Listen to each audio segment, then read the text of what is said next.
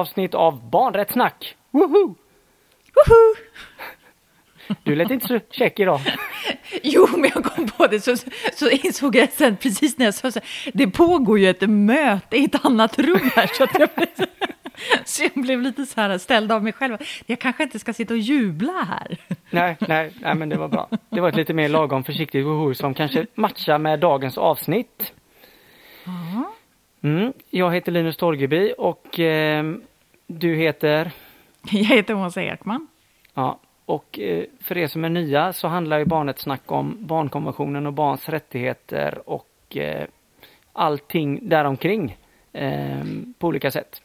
Mm, och det är avsnitt 46 som vi är inne på nu. Det betyder att vi har pratat väldigt, väldigt länge och väldigt, väldigt mycket om barnets rättigheter och, och de specifika artiklarna som barnkonventionen handlar om. Mm. Och detta är årets näst sista avsnitt. Exakt. Fantastiskt. Ja. Um, jag såg, eh, jag kollade på en eh, dokumentär eh, kom, som jag kom att tänka på med det här ämnet och det handlar om en läkare som har liksom ehm, uppdaterat hur man opererar ehm, till exempel tvillingar in i magen som har ett gemensamt blodomlopp. Mm. Och vilket, vilket gör att han kan operera dem där och annars riskerar de att inte klara sig. Och han okay. har jobbat jättemycket med det här med ultraljudsvetenskapen. Eh, och den här eh, läkaren var häftig, men det han sa att hela tiden att men jag känner att det finns så lite tid, jag hinner inte. Jag måste skynda mig. Hur känner du inför det här med att, liksom, att det finns så lite tid och vi måste skynda oss kring barns rättigheter och att hinna göra grejer och sådär? Ja, precis. Jag, jag satt och väntade på vad är kopplingen? Ja. men ja, men det är väl klart att man på ett sätt kan känna så att det liksom det finns ju hur mycket som helst att göra och jag tänker så här för varje år som vi väntar på att ta fram en handlingsplan eller göra en kartläggning eller liksom veta hur det är eller planera dialoger med barn. För varje liksom moment som går så är det ju barns rättigheter som kränks. Det är liksom barn som faktiskt eh, inte mår bra och som behöver att vi inte ska, alltså som behöver, vår, behöver att vuxna skärper till sig väldigt, väldigt mycket fortare. Så det, är klart att det, är klart att det är så, samtidigt som vissa saker behöver ta tid. Vi behöver ha kunskaper, vi behöver veta, eh, just veta innan vi fattar beslut och gör saker och ting. Men ibland tar det där alldeles för jävla lång tid.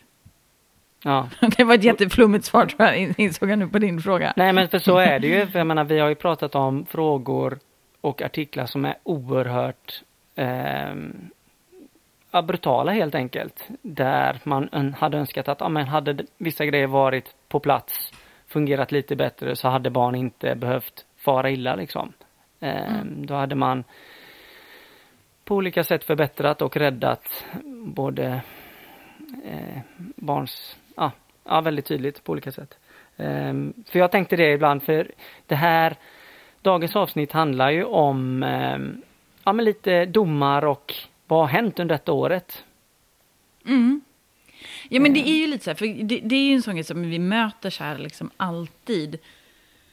Egentligen på varenda utbildning som man har haft det här året är just det, okej okay, men vad händer då? Finns det några domar än? Finns det några domar? Det är egentligen det som är så här, den stora frågan tycker jag. Ja. Tycker inte du det? Eller? Verkligen och där är det ju, vad har vi att ta på nu? Eh, mm. Och, och, och eh, man hade ju ibland Ibland önskar jag att jag kunde svara, men det finns det här från tingsrätten där, HD där, walla, walla, walla, eh, som täcker allting. Och eh, samtidigt så vet vi att det inte finns det än. Eh, men vi tänkte ändå lyfta lite sådana delar idag och mm. prata lite kring just den här frågan. Vad har hänt under året? Har, hur långt har processen kommit kring, kring att barnkonventionen har blivit lag och olika delar av den. Mm. Och det vi fokuserar på är ju då just liksom, eh, det som syns i domstol, typ. Men jag tänker, hade du någon sån här liksom, förhoppning om så att ja, men det här kommer bli liksom någon form av rättslig förändring eller den här liksom, grejen kommer hända liksom, rent juridiskt? Någon, någon skillnad som du hade liksom, typ längtat efter eller liksom, såg fram emot när konventionen skulle bli lag? Eller någon förhoppning? ja men min förhoppning var väl att barnet skulle bli mer av en central figur även ja men, på den juridiska, eh, i den juridiska processen och utifrån vad jag kan och förstår och ser eh, så tycker inte jag att det har hänt så mycket sådana synliga anpassningar. Det är inte det att man ser jättemycket ja, men, nya grepp i så här möter vi barnet, så här, in, så här tar vi in barnet i, i den juridiska processen på olika sätt. Utan jag tycker ändå att det eh, trampar på lite som vanligt. Eh, och samtidigt så, så hade vi någon slags, vi, vi skojar ju om detta förra eh, i slutet på förra året att vad skulle vi vakna upp till? Och, och, och mm. någonstans så, så kanske förhoppningarna inte var jättehöga utan vi såg också att men det är mycket som inte är på plats. Mm. Men men eh, ja, lite mer sånt att barnet liksom blir den som eh, jag får den här bilden, du vet när, alltså från amerikanska bilder när man, när det har varit ett rättsfall och det är massa pressjournalister och de tar kort och advokaten de försöker skydda. De rusar ut typ. Ja, de rusar ut från bilen. Där får jag, min förhoppning kanske var att dörren skulle öppnas och det kommer ett barn där. Och mm. eh, eh, med all respekt för liksom integritet och det behöver inte alls vara att barn kommer där utan den kanske ska köra sin bakvägen och allting. Men du förstår vad jag menar att mm. centralfiguren i den här processen skulle vara mer barnet, inte mm. eh, andra personer. Mm. Har du någon sån specifik? Nu måste du vara alltså, mer specifik än mitt... Eh... Okej. Eh, ja, eller så här, jag var väl kanske inte den här superoptimisten heller, mer än att man tycker att det är jävligt viktigt så här, så. Och att det på lång sikt kanske förhoppningsvis då har gjort det så. Men en grej som jag ändå så här, tänkte på som um, så många liksom, unga som jag har jobbat med på somrarna på olika ställen. Det de lyfte, och jag tänker det kan man ju se som en här, juridisk fråga utifrån att framförallt så är det det som i alla fall alla HR-avdelningar alltid hävdade att det var en juridisk fråga, eller alltså arbetsrättslig fråga som man inte kunde göra någonting åt. Men då var det så att när då, det är ju här kommunutvecklare som är anställd i massa olika kommuner och, och de har ju då haft olika åldrar. Eh, några har varit liksom över 18, eh, många har varit under 18, eller majoriteten under 18. Och de har haft exakt samma uppdrag, eh, jobbat exakt lika länge, har liksom... Men det, det är inga förkunskaper. Så helt, de, alltså det är lika lön för lika arbete. Det är liksom det som har varit hela eh, mm. deras liksom klagan, eller man ska säga det de tycker har varit så jävla orättvist. För det är, har liksom varit så att bara för att du har fyllt 18 så hade du liksom jävligt mycket mer i lön timlön då än de som var under 18, trots att du gjorde exakt samma uppdrag och jobb. Liksom. Och det här var en sån grej som jag liksom varje år fick snacka med då olika HR-personer som alltid sa att ja, men det här är en arbetsrättslig fråga, vi, vi, kan inte göra det, det är ju så, vi kan inte ändra. Jag bara, men de, det är ju samma jobb de gör. Och ungdomarna tyckte att det var så fruktansvärt orättvist. Liksom. Um, så det, det, sen eh, lyckades jag hitta en en omväg för att lösa det eh, i en annan kommun sen. Men, men det är väl någonting som man hade kunnat eh, tänka. Jag vet mm. inte, nu känns det som att det blir jävligt flummigt för jag, jag har ju inte alls koll på de här de lagarna. Jag har ingen aning hur det här funkar. Men det är i alla fall en grej som unga lyfte. Men det har ju inte med barnkonventionen i sig att göra. Nej. Det är ju det. Det är ju inte, det är liksom inte någonting som är, alltså, som man kan säga, här har inte ni följt barnkonventionen. Det är ju inte det specifikt, utan då handlar det egentligen om liksom, de här arbetsrättsliga grejerna, även om det handlar om att eh, de gör liksom, alltså allas lika värde, att det inte ska diskrimineras på grund av ålder till exempel. Men då mm. är det ju det mer arbetsrättsligt eller så. Mm. Förlåt, nu avbröt dig, men... Mm. Nej, men jag tänker på det här som du jag får upp den här bilden av eh, trafikregler och fartgupp och fartkameror och sådana grejer och det känner jag att jag hade kanske hade någon förhoppning om att eh, fler skulle liksom eh, ha se barnkonventionen som, ja men oj just det ja, det här måste vi göra nu, barnkonventionen är ju lag eller du vet lite som man agerar i trafiken när man vet att oh, nu är det så här eller jag får inte köra si, då måste jag göra så. Alltså att barnkonventionen blev mer som liksom eh, synlig i vardagen och där kan jag känna att eh, jag, jag, det är inte så att jag ser att det är inte det att folk till vardags säger nu får du sakta ner för du eh, följer inte barnkonventionen här eller Mm. låt oss tänka på eh, artikel eh, 12 här. Den har vi kört förbi. Så den vibben Ja. hade jag ser jag fram emot inför nästa år. Uppvärmning. Ja. Ja, och samtidigt, för det jag tänker är lite så här, när, när vi hela tiden får frågan så här, ja men om, om liksom, finns det några domar? Det jag tänker är liksom det som vi kanske liksom har lite så här håsat upp på något sätt, är att, ja men alltså det är, om du tänker alla frågor som en kommun har hand om, eller en region, alltså det är ju väldigt få av dem som hamnar i domstolen. Ja, ja. Så att jag tänker lite så att, att det är ju skitviktigt att det kommer olika avgöranden som guidar och hela den här biten. Men det är ju fortsatt så att det är så jäkla mycket mer frågor som en kommun, en region eller organisation hanterar som inte blir föremål för det. Och då tänker jag lite att vi kan ju liksom inte... Vi kan ju heller inte bara liksom säga att det som sker är det som vi kan läsa exakt i ett domslut. Utan det sker ju massa andra saker innan det. Och det är ju inte liksom, det är bara några grejer som kommer dit. Mm. Ja, och när, det vi ska kolla på lite då är ju de här trafikkontrollerna när det har blivit en, en, en eh, ja, när det har blivit en process mer eh, av det. Eh, Och eh, precis som du säger att allting ska ju regleras eller gå mer åt barnrättshållet. Eh, Och det är väl det som eh, det, det, det har vi med oss verkligen att det är inte, det är inte bara domar utan det händer massa saker ändå. Så. Och då tänker jag så Mm. att om vi nu ska prata om några sådana, då tänker jag att då måste vi också säga att eh, vi har ju ingen koll på det här. alltså, det är ju jättekorkat av oss att prata om det. här. Vi kan ju inte det här, vi har ingen utbildning för det här. Nej men nu, nu är du ju väldigt eh, sträng mot oss. Nej, men fast vadå, Nej. vi är ju inte domare. Nej absolut, Eller vi, är inte, vi är inte domare och vi är inte jurister. Ehm, och eh, samtidigt så har vi ändå eh, något annat, en annan del i detta. Eh, utan det som vi är, om man ska säga någonting, är ju att vi är ju barnrättsexperter på olika delar och har jobbat med olika frågor på olika sätt. Så. Men vi är ju inte, när vi läser lagtexten här, vi pratade om det lite innan, så sa vi bara, men vad händer här? Nu är det dubbelnegation i en mening. Vad blir resultatet till slut då?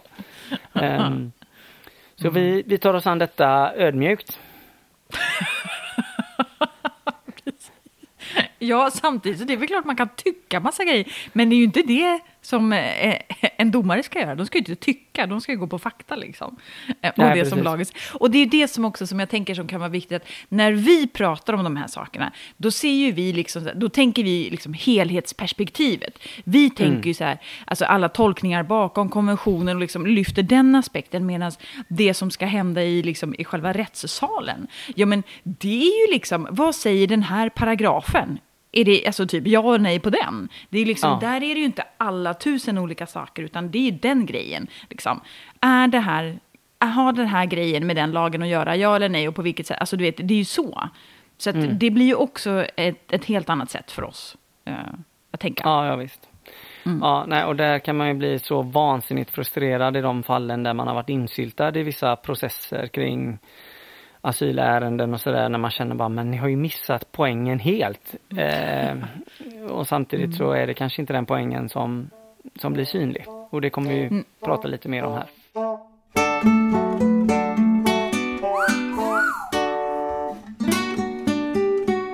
Det fanns ju ändå ganska mycket förhoppningar inför att barnkonventionen blev lag. Eh, och det är ju faktiskt en skillnad mot de faktiska förändringarna.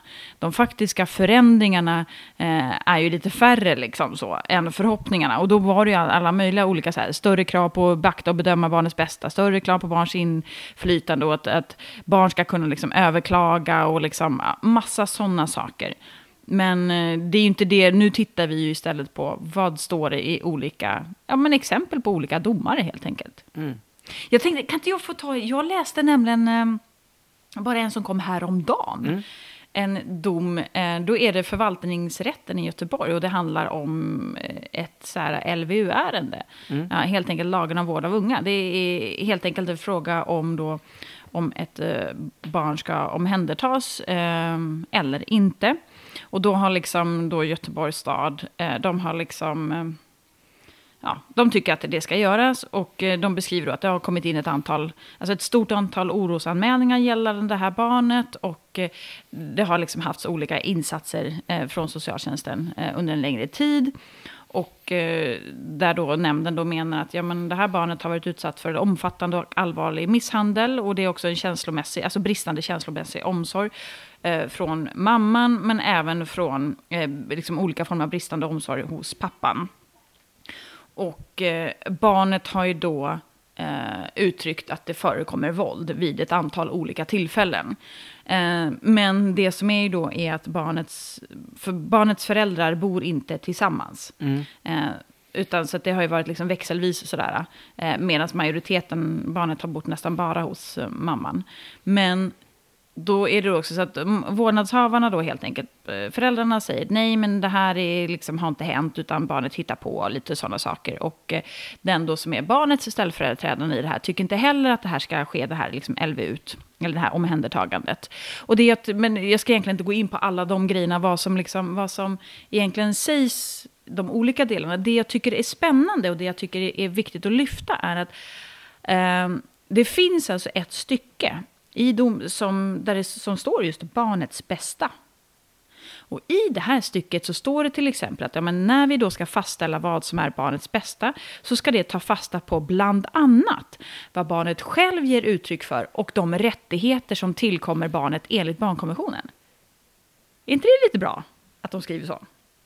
Ja men det är väl verkligen bra och det kan man säga, det är ju det vi har eh, när, att, att se liksom helheten, det här som vi sa precis innan. Det är ju mm. en jättebra mm. bild av det här att vi ser ju massa andra saker också. Eh, och då är det ju bra precis. att det i domen också lyfts upp att ja, men det finns många andra delar som att även om vi hanterar ett LVU just nu och ska bedöma den frågan så knyts ju andra delar också till vad ett sådant eh, beslut skulle innebära. Ja men det kanske mm. då blir att eh, man eh, tvingas att byta skola eller man kan inte gå kvar i sin idrottsförening och man har svårare att ha kontakt med sin familj och, och så vidare och så vidare.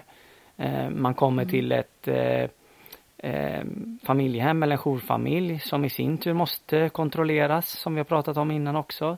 Eh, och att ja, det är många bitar som ska vara på plats och det är det som vi konstant försöker konstatera och det var väl jättebra formulerat kring ja, barnets bästa. Här. Ja, precis. Ja, men precis. Men det jag tänker, för det är liksom, då, det står ganska mycket mer än det. Och det är väl det som jag tycker är så här att, um, Alltså både att man skriver att ja, men barnets bästa, att det handlar om flera olika grejer, men det står ju samtidigt också att i det här då, att, ja, men att barnet säger ju att barnet tycker om sin mamma, att barnet vill, alltså de beskriver liksom vad barnet själv har uttryckt. Och det tycker jag är jätteviktigt. Och sen så står det då liksom att ja, men sen har då barnet um, olika liksom, diagnoser eller särskilda behov, och att barnet har ju rätt till sin familj, men också att barnet ska liksom bara skiljas från familjen om det är för barnets bästa. Det står också att eh, man ska ha samtidigt rätt till skydd från alla former av våld och att skyddas från våld är en tungt vägande grundläggande rättighet.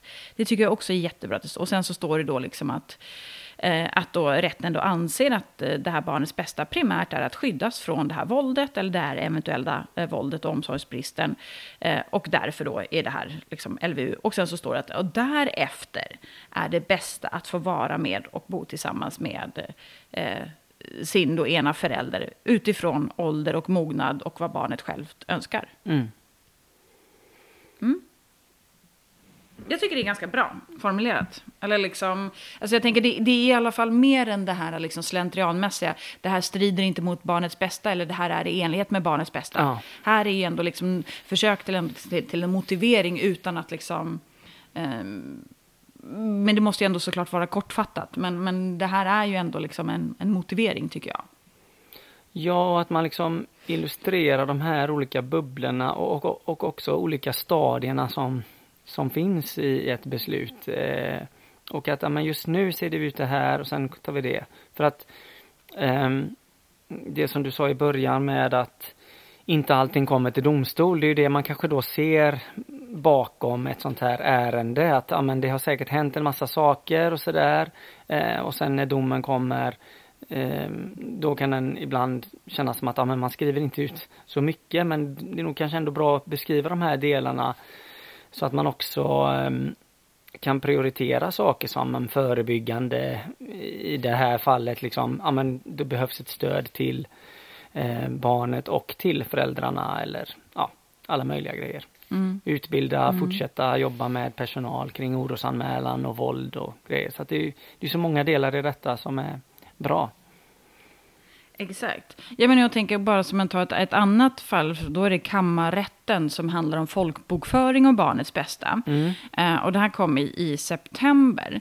Och Eh, jag tänker, vi ska egentligen kanske inte gå in på så mycket kring det, men jag tänker det är en, en, en väsentlig skillnad i hur resonemanget kring barnets bästa har, har, har ägt rum i de här två olika. Sen är det såklart, det är två helt, Alltså, det är så olika på så många olika sätt. Men, eh, men vad jag menar, här så står det till exempel, då är det en, eh, ett barn som eh, anser sig då ha sekundär uppehållsrätt eh, som familjemedlem. Eh, men eh, barnets eh, pass kan inte styrka barnets identitet. Och det gör ju då att barnet saknar uppehållsrätt eller då liksom inte uppehållstillstånd. Och eh, medan då det här barnet menar att eh, eh, att det är barnets bästa att liksom typ folkbokföras, att få vara kvar i Sverige och så vidare. Och eh, menar då att man har inte tittat på den utredning gällande barnets identitet som Migrationsverket har gjort och så vidare. Och att, ja, ehm, att de håller ju inte med varandra i det här. Men det jag tycker liksom, så då för man då ett resonemang och det jag tycker här då, det kammarrätten gör här är att då beskriver de, de tar upp till exempel vägledningen, eh, som ju kom eh, 2019 om hur vi ska liksom hantera barnkonventionen i relation till nationell lag. Typ. Eh, de tar ju ändå upp den och säger liksom att ja, men barnets bästa ska liksom, det är en materiell rättighet. Och eh, man ska liksom ta med det i bedömningen att, och man ska ha med olika intressen och att barnets bästa ska kunna få väga tungt men det ska inte vara utslagsgivande. Och sen så står de ju då till exempel att ja, men olika alltså artiklar och så vidare, man ska göra en intresseavvägan och så vidare. Men de beskriver liksom, de resonerar ju inte på samma sätt som den andra, för här står det ju bara att i det här målet så är det en fråga om att väga vad som är barnets bästa mot intresset av en korrekt folkbokföring. Och sen så beskriver de egentligen bara syftet med folkbokföringen. Och då menar de att det, den korrekta folkbokföringen väger tyngre än barnets bästa. Men de beskriver ju egentligen kanske inte så här vad barnets bästa är. Nej. Utan de beskriver ju bara att folkbokföringen, att eh, den är viktig på grund av det här och det här och det här. Och därför får det, anses det vara då eh, övervägande från eh, barnets bästa. Ja, precis. Eh, ja, det är ju... Mm. Och det, på ett sätt känns det så konstigt att vi ska sitta och prata om de här grejerna, för att det är ju liksom... Men, och jag vet inte, tänka så här, varför gör vi det? på så För det, vi kan ju inte de här grejerna. Nej, alltså, men... Vi är ju inte... De gör, de gör ju rätt, men, för det är väl det som är grejen. Vi tittar ju på det på ett helt annat sätt. De ska ju gå på just, förmodligen då, liksom, folkbokföring. Vad säger den, den liksom, detaljgrejen? Och vi tittar på någonting annat i domarna. Det är väl det jag tänker att man får säga också. Ja, men om jag, om jag kommer, minns eh, när vi pratade om detta, vad kommer hända när barnkonventionen blir lag i ett av de första avsnitten. Då funderade vi kring liksom, ja, men vad blir barnkonventionens ställning i jämförelse med speciallagar? Eh, mm. Och det är väl det som också blir så tydligt i att eh, ja, men, ja men det är lite det vi försöker lista ut nu. Eh, att ja, men, hur, hur ser det ut nu? Barnkonventionen finns och den lyfts upp här och där och den gör det i väldigt liksom specifika lagar som liksom folkbokförings eh, eh liksom ärenden. Ehm, eh, och, och, och, och, och någonstans där bakom ser vi ju ett barn som som försöker eh, ha ett bra liv i Sverige. Ehm, och det kommer bort helt och hållet med i, i någonting som vi tycker bara, men vad är det här för trams? Um, mm. Och, och um, jag tänker att det här är ju en, en process på något sätt. Och då har man fått den här mm. vägledningen. Mm. Vad, vad, har vi mer eh, som ska hjälpa till i, i, i det här arbetet? Eh, ja, men det är väl klart att de har ju massa andra sådana liksom, mål som de eh, liksom kollar på olika sådana praxis tidigare och sådär. Men, men sen är det klart att vägledningen är ju en del, men sen har vi ju också um, den här alltså barnkonventionsutredningen som kom bara här i, nu i november. Mm. Den är det många som kommer liksom använda på lite olika sätt för att se vad i liksom befintlig lag är liksom oförenligt med konventionen och sådär. Och den är ju väldigt så här, på detaljnivå. Liksom. Artikel 18.3 bla bla bla i konventionen stämmer inte överens med bla bla bla. bla liksom så. Ja. Mm, så, så det är ju en sån sak så, som, liksom, som kanske vi också kommer liksom och den hette hitta. Barnkonventionsutredningen och det finns på regeringskansliets ja. hemsida. Eller vart hittar man den? Exakt. Mm. Ja, men precis. Googla barnkonventionsutredningen så kommer ni dit och då kommer ni hitta att det är en volym i tre delar. Eh, med inklusive alla sina bilagor är 2020 sidor. Mm, wow. ja, exakt. Den har du i läxa uh. att läsa över uh, lovet här nu. precis. Vet du, precis. Nej, då ska jag göra andra grejer. Men jag kan säga, berättade, nej det berättade jag inte. Jag eh, beställde ju ändå denna. Ja. Eh, bok, eh, denna tunga boken eh, såklart. Och det var ju bara att jag skrev in fel postnummer när jag beställde. Så att den hamnade uppe i, utanför Karlstad någonstans. Ja. Och på någon ICA-butik. Så ja, det var ett jävla meck innan jag fick den i alla fall. Så kan jag väl säga. Ja, ja jag har önskat mig den i present här nu. I julklapp. Ja. Nej men det är väl ändå ja. viktigt, för, för, jag menar det pratar vi också om att ja, men det kommer komma den här barnkonventionsutredningen och nu kom den i november, den som på något sätt ska synka eh, domar med, eh, eh, eller vad heter det, barnkonventionen med Men visa vart lagar. lagarna och barn... Ja. ja. Mm. Men den tycker jag faktiskt att vi ska ha ett avsnitt om nästa säsong. För att vi, vi kan ju välja att inte hålla med heller. Verkligen.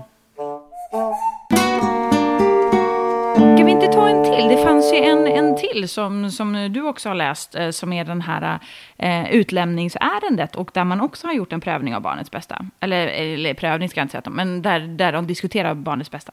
Ja, precis. Ehm, och, och man kan väl kort säga att det handlar om en eh, förälder som har begått eh, brott och blivit dömd i ett annat land och så vill det här landet att den här personen ska komma tillbaka och avtjäna sitt straff. Och då är det då frågan om Sverige vill lämna ut den här personen till, eh, till det här landet. Eh, och så redogör man för en massa olika förhållnings eller Europakonventionen och lagar och utlämnings, eller utlämningslagar och så vidare. Och, eh, och så sen då ska man också föra ett resonemang kring barnkonventionen då. Ehm. Eh, Ja, men för det är ju det. Den här personen eh, hävdar ju att det finns ett hinder mm. mot äh, att göra den här utlämningen. Dels då på grund av artikel 3, 9 och 12 i barnkonventionen. Just det. Bland annat. Eh, så. Ja, och, och, och, där resonerar man ju då kring eh, Ja, och personen är ju förälder då som har två barn och att det skulle vara inte bra för för barnen att föräldern tvingas åka iväg och eh, bo, eller bo, bo på fängelse, bo på fängelse i ett annat land helt enkelt. Eh, mm. Och eh, vad var det de skrev om, ehm, hur, eller hur var det de resonerade nu? Ja, men där i den så har de, där skriver de ändå liksom, och det här är ju högsta domstolen, och de skriver ju ändå ganska mycket om liksom barnkonventionen i sig. Mm. Eh, så att de skriver ju liksom att barnkonventionen är ju liksom lag, därför måste det här utlämningsärendet göra, alltså man behöver göra en prövning då, om det här får konsekvenser för ett barn, eh, som innebär då att är den här liksom utlämningen oförenlig med de rättigheter som barnet då har. Och Eh, så då har de liksom lite så här, eh, resonerar omkring det och tittar på att ja, men främst ser ju de då att ja, men det här handlar främst om artikel 3 och 9 i konventionen som är då barnets bästa och eh, liksom att inte skiljas från sina föräldrar. Mm. Eh, och sen så beskriver de ju lite så här att ja men eh, barnets bästa, sen har de ju gamla då, det, här står det barnets bästa ska sättas i främsta rummet. Det är ju gamla grejen. Mm. Nu står det att det ska liksom beaktas och bedömas och sådär. Men, men helt enkelt, de beskriver ju lite så här att ja men om barnets bästa, hur man ska se på det och sådär. Att man ska, kan väga dem mellan olika intressen. Och, och sen så beskriver de vad artikel 9 innebär. Och då ser de att men utlämningen då kan, det kan egentligen röra barn på två olika sätt. Antingen att barnet självt är då eh, föremål för det här utlämningsförfarandet, eller att någon förälder då är det. Och då ska man liksom ha med barnets bästa i båda de här. Och då så skriver de att det ska, det ska liksom alltid utredas och beaktas och bedömas. Mm. Eh, och att det ska ställas då, barnets bästa ställs ju helt enkelt mot andra staters intresse av att lagföra begångna brott och att verkställa utdömda straff. Eh, så det är liksom det som är eh, grejen. Och sen då när de kommer till själva bedömningen så säger de att ja, men en utlämning är inte oförenlig med artikel 3. Eh, och att de tycker inte att artikel 12 överhuvudtaget aktualiseras. Och de tycker då helt enkelt också att artikel 3 det är inte oförenligt. Men, Nej. och här kan man ju resonera massor, men vad tänker du lite spontant om det här? Nej men det är väl det och det är väl det som man på något sätt eller det är det som jag eh, blir irriterad på. Det är ju det här med legitima intressen, alltså att väga vilka intressen väger tyngst. Eh, och ja, men är det det här andra landets intresse av att eh, ha den här föräldern i fängelse i två år? Eh, eller är det de här barnets intresse av att ha en förälder hos sig. Vilket intresse är mest legitimt och vad tjänar barnet och hmm, barnen på först och främst. Men självklart också ja, i förlängningen, ja, det handlar om hela deras uppväxt liksom. Det, det, det, är så, det är så stort så det går inte riktigt att greppa så lätt. Eh, och det är väl där som eh, som man hade önskat en, en, en lite kanske då problematisering eller ännu mer utskrivelse av men vad är de här intressena och hur påverkas ett barn av att en förälder ska befinna sig i ett annat land eh, i två år, åka iväg och det här är saker som har hänt eh, typ innan barnen var födda ens, eh, har jag nästan för mig. Eh, så, att, så att det handlar ju liksom om ett annat liv och helt plötsligt så kommer detta och det här är ju inte ovanligt. Jag menar, det är inte, det är väl säkert ganska sällan så att barn är, eller barn, föräldrars brott kan komma som en överraskning för barn. Eh, men samtidigt blir det igen då att, ja men vem ska betala för det här? Varför ska barnen betala ett så himla högt pris? Eh, och vad innebär det? Och vad får det med sig? Och så vidare. Eh, ja, det är väl mm. barnets legitima intresse jag skulle vilja se mm. mer uppumpat. Ja. Ja, men precis. Och det, enda, det jag tänker som de ändå då liksom lyfter i där, det är ju liksom att utgångspunkten för den här bedömningen måste då vara att barnet har ett behov av en nära kontakt med sin då förälder. Mm. Och att liksom hänsynen då till barnets bästa talar ändå för att personen inte ska utlämnas. Så jag tänker, det säger de ju ändå, att det ja, talar för ja. det. Men sen så menar de ju samtidigt att liksom att barnen kan ändå stanna hemma med den andra föräldern och att barnen då skiljs från förälder, den här föräldern bara en begränsad tid. Och att de tycker då att ja, men det finns anledning att anta att kontakten ändå kan upprätthållas på något sätt. Mm. Liksom. Mm. Och då menar de på att eh, därför väger då de här motstående intressena tyngre än barnens intresse. Men jag tycker samtidigt, här, de, det är ju ingen som vet vad, vad de här barnen tycker. Nej, nej. För det, det framkommer ju inte. Och, och, det är väl också lite så här, så som vi ser på barnets bästa utifrån vad barnkonventionen ställer för krav, så kan vi ju inte göra en bedömning av vad som är ett barns bästa utan att veta vad barnet tycker. Eller barnen, liksom. Det är punkt ett. Preach it! Nej men och, och, det är ju så vi sa innan att vi ska liksom inte eh, klanka ner nu, utan det gör vi inte. Utan vi är positiva till allt som är bra. Och det... jag vill säga, vi kan, kanske ska säga alla positiva saker också. Men förlåt, ja. nu avbröt Nej, men det är ju, tycker jag, liksom utgångspunkter och det står ju också där, barnen gäll, äh, barnkonventionen gäller numera som svensk lag. Det är ju jättekult att se det i text, att det, ja men det är det liksom.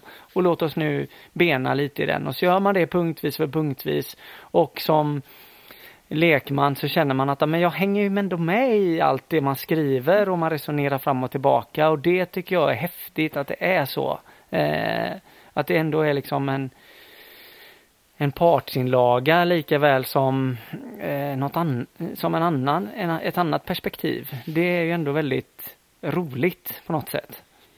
Ja men exakt, och jag tänker så här, nu har vi, alltså det, vi har ju, det finns ju massa, massa fler eh, liksom, eh, eh, domar såklart, men vi hinner ju inte gå igenom allihopa dem.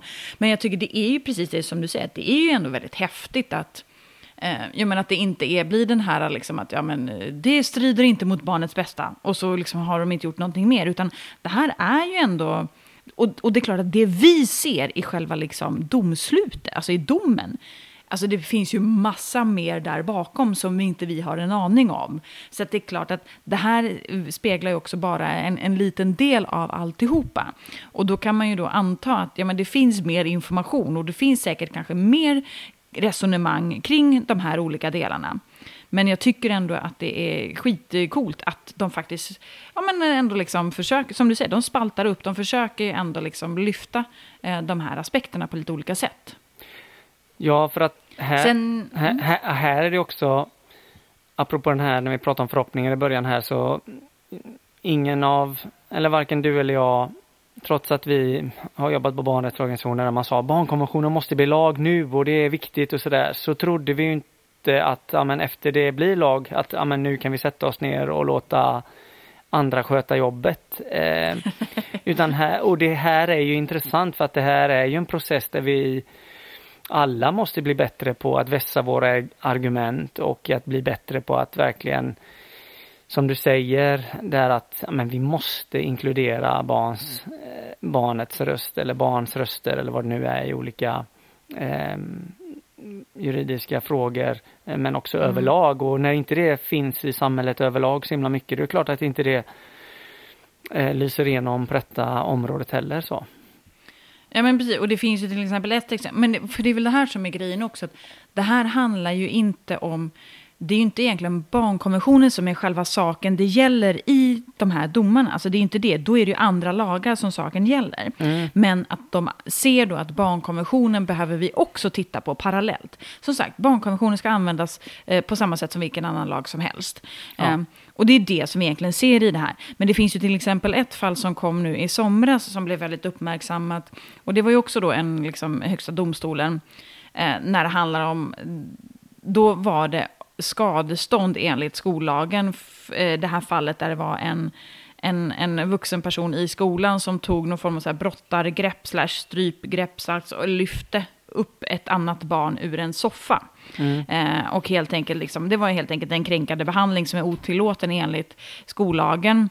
Eh, men då är frågan, liksom, gäller det skadestånd och sådär? Och, så eh, och då är det ganska det står ganska väl liksom beskrivet hela den här händelsen. Och eh, de menade ju då såklart att, eh, eller såklart, nej men de, man menade på att det här är inte skadeståndsgrundade. Eh, så den här typ läraren då, som hade gjort det här, typ vann eller hur man nu ska säga.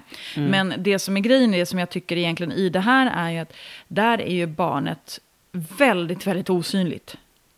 Ja. Den enda som egentligen lyfter det, det är de då som två personer som är skiljaktiga, som inte håller med helt enkelt.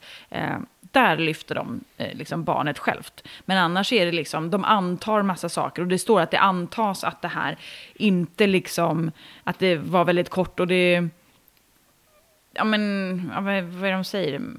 Ja men att de tycker att, alltså det antas helt enkelt att det hade bara varit lite obehag typ. Men inte vad barnet tycker att det har då varit. Alltså, Nej. Nej. Eh, så. Nej, nej men det är... Eh, ja. Nej, det, det, ja, det... Det låter ju så himla redigt när vi säger det men eh, prata med barnen mer och mer mm. är, är bra. Precis. Eh. Precis. Ja, har vi pratat klart om våran tid alltså? När du säger så inser jag. Nej, nej, då har vi inte. Ehm, för jag jo, tänkte ändå att... ja, men vi har gått igenom några domar här lite granna utifrån eh, våran förmåga och, och som sagt det finns fler. Men har ni domar eller har ni tagit del av någonting som är intressant eller någon vinkel så hör gärna av er och skicka tips så kan vi lägga upp det eh, under veckan på våran Insta här. Så att vi kan ja, men bli ännu bättre på att försöka förstå det här. Um, mm. För jag tror ju, det är inte heller så att eh, juristerna och domarna och så här inte vill att vi andra ska tycka och tänka och fundera på, på det här liksom. Utan det här är ju något som vi skapar på olika sätt ihop. Vi kanske ska ha en domare som gäst Ja, det tycker jag låter som en nästa säsong. fruktansvärt bra idé. Ja, då, då spikar vi det. Ja, det kommer komma en domare som gäst som, Precis. Som vi kan fråga och eh, prata lite mer om alla de här bitarna. Eh, för att förstå. Ja, och då kanske man redan nu ska börja så här, ladda för frågor. Det, vi, kanske, vi kanske borde vara mycket bättre på att ladda upp sånt här, så att folk kan liksom ge input, än att Ja. vi mest babblar loss. Men jag tror att eh, ja, men när vi har domaren eh, på, på G, då kommer folk, eh, då kommer ni köra på här. Ja. Eh, ja. Men eh, jag tänkte bara en grej. Om, om, om du har någon fråga som du hade önskat se en dom om och läsa en dom om utifrån eh, liksom, eh, okej, jag har ingen aning men det här skulle jag vilja läsa en dom om. Det hade jag tyckt var intressant och att det blev ett ärende. Har du något sånt eh, utan du behöver inte ens tänka om det, är en, om det går eller inte det ens utan går. det här skulle du Nej, vilja precis. se i, i en sån här text och vi, vi önskat att folk hade eh, borrat lite. Vilket, har du något sån, någon sån eh, drömdom? Men alltså, men precis, nu tog jag fasta på det här att, att det inte ens behöver finnas, alltså, nej, nej. ja, helt enkelt det som inte ens går. Det, det är lite det. Så jag tänker, tänk vad coolt det hade varit om ett gäng barn anmäler typ sin kommun och liksom driver en process för att de inte har rösträtt i kommunalvalet. Ja, Och så, och så driver, drivs hela den grejen. Att liksom, ja, men man pratar om så här, eh, allas lika värde, vi pratar om liksom, att, vi ska ver- alltså att det offentliga ska verka för barns rätt, eh, liksom att det tas tillvara. Och så har vi liksom barnkonventionen, inflytandefrågor och så. Ja, men jag tänker så här, det hade ju varit en asball grej Ja. eh, att göra. ja Att verkligen. liksom, även om det då inte finns lagutrymme för, för den frågan, men det hade jag tyckt varit coolt. Ja, Mm, vad tänker du? Vad, vad hade du velat? Eh, jag hade ju önskat att man kunde på något sätt eh, eh, göra en process kring en kommun som man känner, men här har ju faktiskt barnkonventionen varit lag i ett år och det borde ju innebära en himla massa grejer som att man utbildar eh, anställda och gör eh, eh, olika hearings och ta beslut eh, utefter barnkonventionen och sådär. Men den, i den här kommunen har det ju, verkar det ju som att det inte händer någonting. Eh, så någonting för att liksom få upp dem på banan, så här, men det här är inte tillräckligt. Ni måste göra det här och det här och det här och ni måste investera eh, kring barns rättigheter Alltså på du tänker olika liksom sätt. helhetsperspektivet typ på hela konventionen, alltså typ att en kommun inte har gjort konventionen något typ, inte, eller Ja, förstår jag det precis. rätt då? Ja, precis. Ah, Som det här nu man gör med eh, GDPR igen, liksom att oj, nu måste vi revidera GDPR-planerna. Och då är det sker överallt. Det sker på alla förvaltningar. Eh, och det skulle jag vilja se kring, eh, kring, eh, kring barnkonventionen. Ja, ja men Så här, om det vi- vi- finns vi någon får, jurist där ute som är redo att ta sig an de här två fallen. De här två hittepåfallen. Ja. Ja. Ehm, Ja. ja, nej men ehm, kul. Ja, men jag ser fram väldigt mycket eh, i att eh, det kommer en domare till podden och vi får eh, bränna på med massa frågor och eh, då kanske vi kan eh, se hur våra hittepå ärende hade funkat. ja, men hade det funkat och hur hade det gått till och eh, vilka speciallagar hade de kunnat dra dit med liksom? Eh, nästa vecka så är det årets eh, sista barnetsnack. Sen tar vi typ lite paus liksom. Ja, så då tänker vi försöka... Vad, vad pratar vi om nästa vecka då? Nej men kan vi inte sammanfatta året lite och det kommer ju bli en liten corona-vibe på det och eh, eh, men eh, har ni några fantastiska barnrättsminnen under året som har gått så kan ni väl jättegärna skicka in det. Ni kan eh, skicka DM på Insta eh, om ni vill dela någonting som har hänt som har varit eh, väldigt positivt där ni jobbar eller bor eller studerar eller vad ni håller på med. Ja, mycket så här, årets bästa barnrättsdröm, barnrättsgrej. Liksom. Ja. ja, bra. Eh, Mm. Vad har ni varit med om som ni tycker har gjort skillnad i det stora eller lilla kring barns rättigheter? Är inte det en bra grej? Ett minne, Mm. Det årsminne. Ja, Så blir det en bildkavalkad där. det är bra. Vi ska bara komma ihåg att lägga upp de här bildkavalkaderna också. Vi, vi är inte alltid så bra på det. Ehm, Men det kan vi lära oss. Det kan vi också vara lärdom till nästa år. och har ni längre Men- dokument så mm. kan ni mejla på barnrattsnack.gmail.com. Om det är något större ni vill skicka. Ja, Mm. precis. Men tack för den här veckan och så ses vi, eller ses, ja du och jag ses ju, Mm. men hörs helt enkelt. Tack så mycket, ha det så Ja. bra. Ta hand om er. Hej. Hej, hej.